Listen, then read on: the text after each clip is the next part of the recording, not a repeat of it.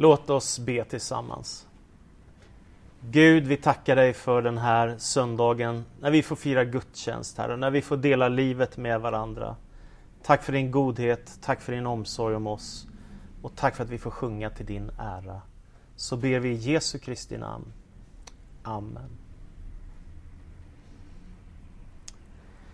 De senaste veckorna har varit omtumlande för oss alla.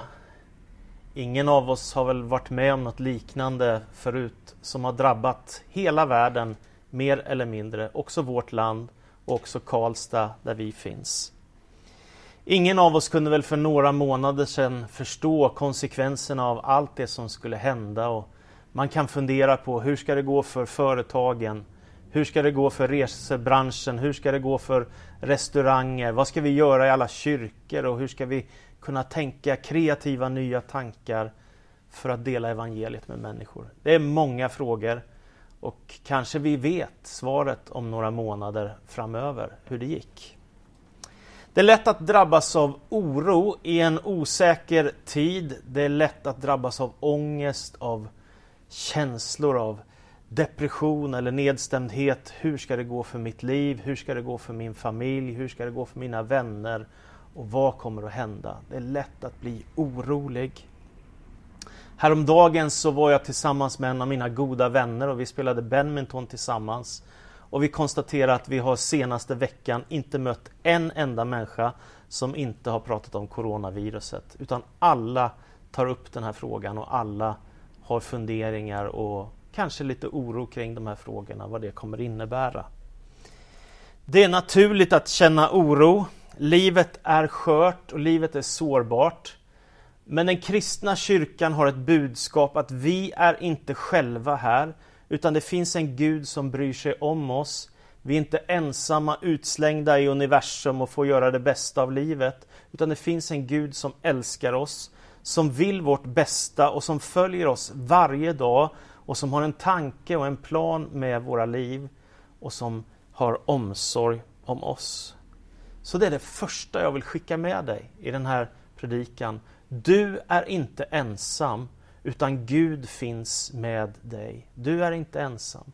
Gud finns med dig. Jag tänker också på den kristna kyrkan, vad vi kan erbjuda människor i livets alla möjliga och omöjliga situationer.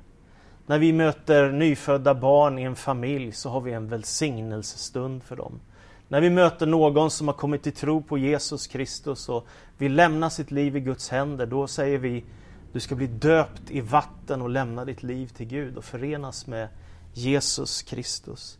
När vi möter två människor som har börjat älska varandra och vill lova varandra trohet så länge man lever, så har vi en vigselgudstjänst och vi välsignar de två som vill dela livet med varandra.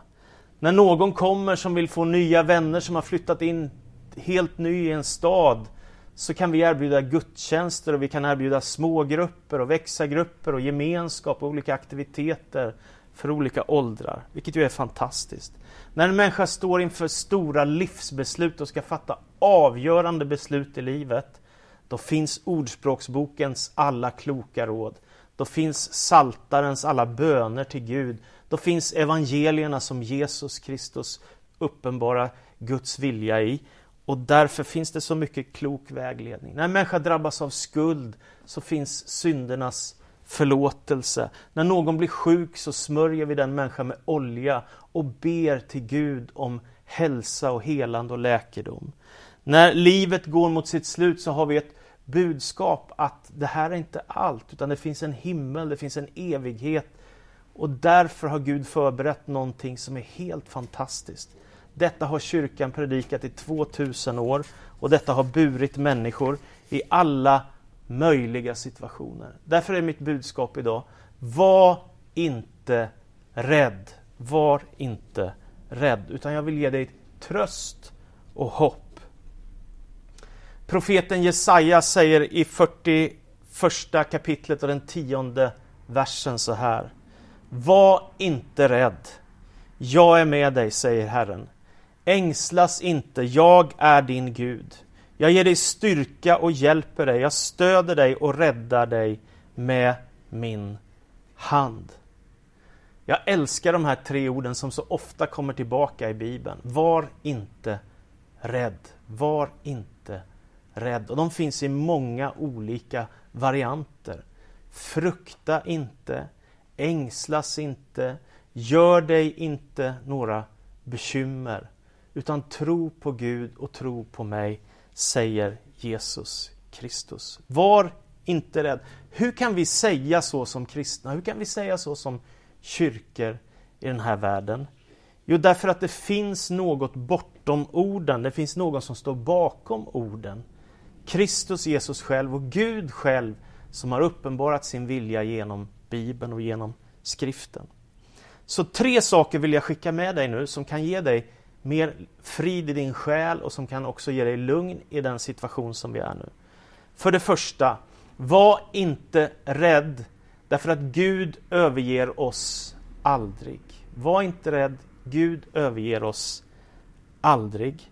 Det har han lovat i sitt ord. Han har gett många löften om sin trofasthet, om sin godhet, om sin omsorg och kärlek till oss. Och de löftena kan vi lita på och de bär oss igenom livets alla olika situationer.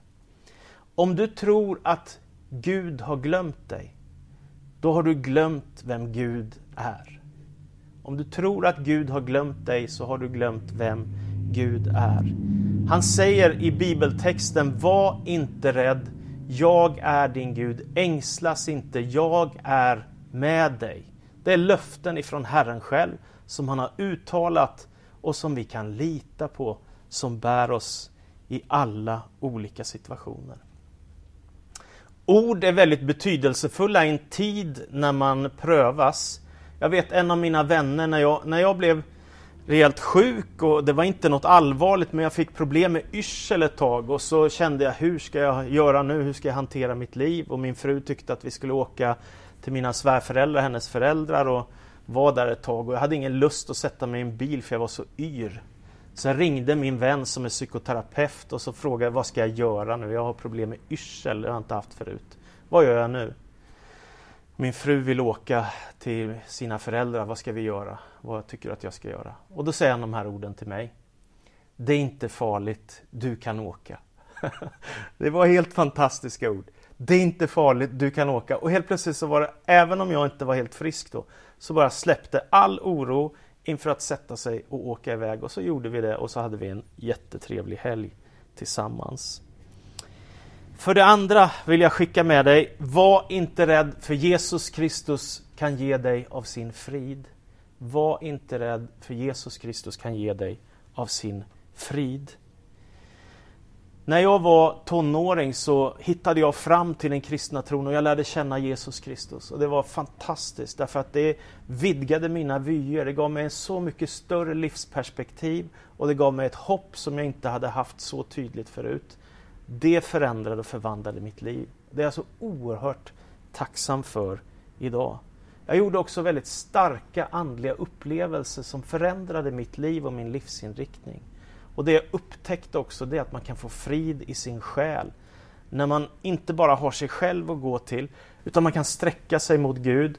Och Jesus säger i Johannes 14 och 27 Frid lämnar jag kvar åt er, min frid ger jag er. Jag ger inte det som världen ger. Känn ingen oro och tappa inte modet. Det är väldigt viktiga ord. Tappa inte modet utan ta emot den frid som Jesus Kristus kan ge dig. Därför att han är större än dig och mig. Han är Guds son. Han är Messias. Han är världens frälsare. För mig är det nu över 30 år sedan jag hittade fram till tron på Kristus. Och sedan dess har jag älskat att leva i Gudsordet och ta till mig texter som ger mig frid i själen. För det tredje, var inte rädd, för det finns ingenting som kan skilja oss ifrån Guds kärlek. Var inte rädd, för det finns ingenting som kan skilja oss ifrån Guds kärlek.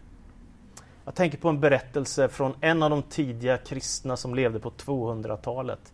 Han hette Origenes och det berättas om honom, för det här var en tid av förföljelse av den kristna kyrkan. Väldigt svåra tider. Många dog för sin tro som martyrer. En dag kommer de till Origenes hem och de tar hans pappa som var en betydande ledare i staden som hade kommit tro på Jesus Kristus. Origenes inser att hans pappa kanske nu kommer bli martyr för sin tro på Kristus. Så Origenes gör sig redo för att hänga på sin pappa. Han vill följa med pappa. Han är redo att gå i döden för sin tro. Men hans mamma inser snabbt vad som händer och gömmer undan alla hans kläder så att han inte ska kunna följa med. På det sättet räddas livet på en av den kristna kyrkans historias mest begåvade och produktiva författare. Han skrev mängder av böcker om den kristna tron i sitt liv. Och en av de viktiga texterna för honom, som också är viktiga för oss, finns i Romarbrevet 8. Aposteln Paulus skriver över allt detta triumferar vi genom honom som har visat oss sin kärlek. Jag är viss om att varken död eller liv, varken änglar eller andemakter, varken något som finns eller något som kommer, varken krafter i höjden eller krafter i djupet eller något annat i skapelsen ska kunna skilja oss från Guds kärlek i Kristus Jesus, vår Herre. Det här är ett ofattbart budskap. Att om du vänder dig till Gud så finns det ingenting som kan skilja dig ifrån Kristus Jesus eller ifrån Gud och ifrån hans kärlek. Ingenting finns. Inga andliga makter och krafter. Inte livet och inte döden. Det finns inget som kan skilja dig från Gud.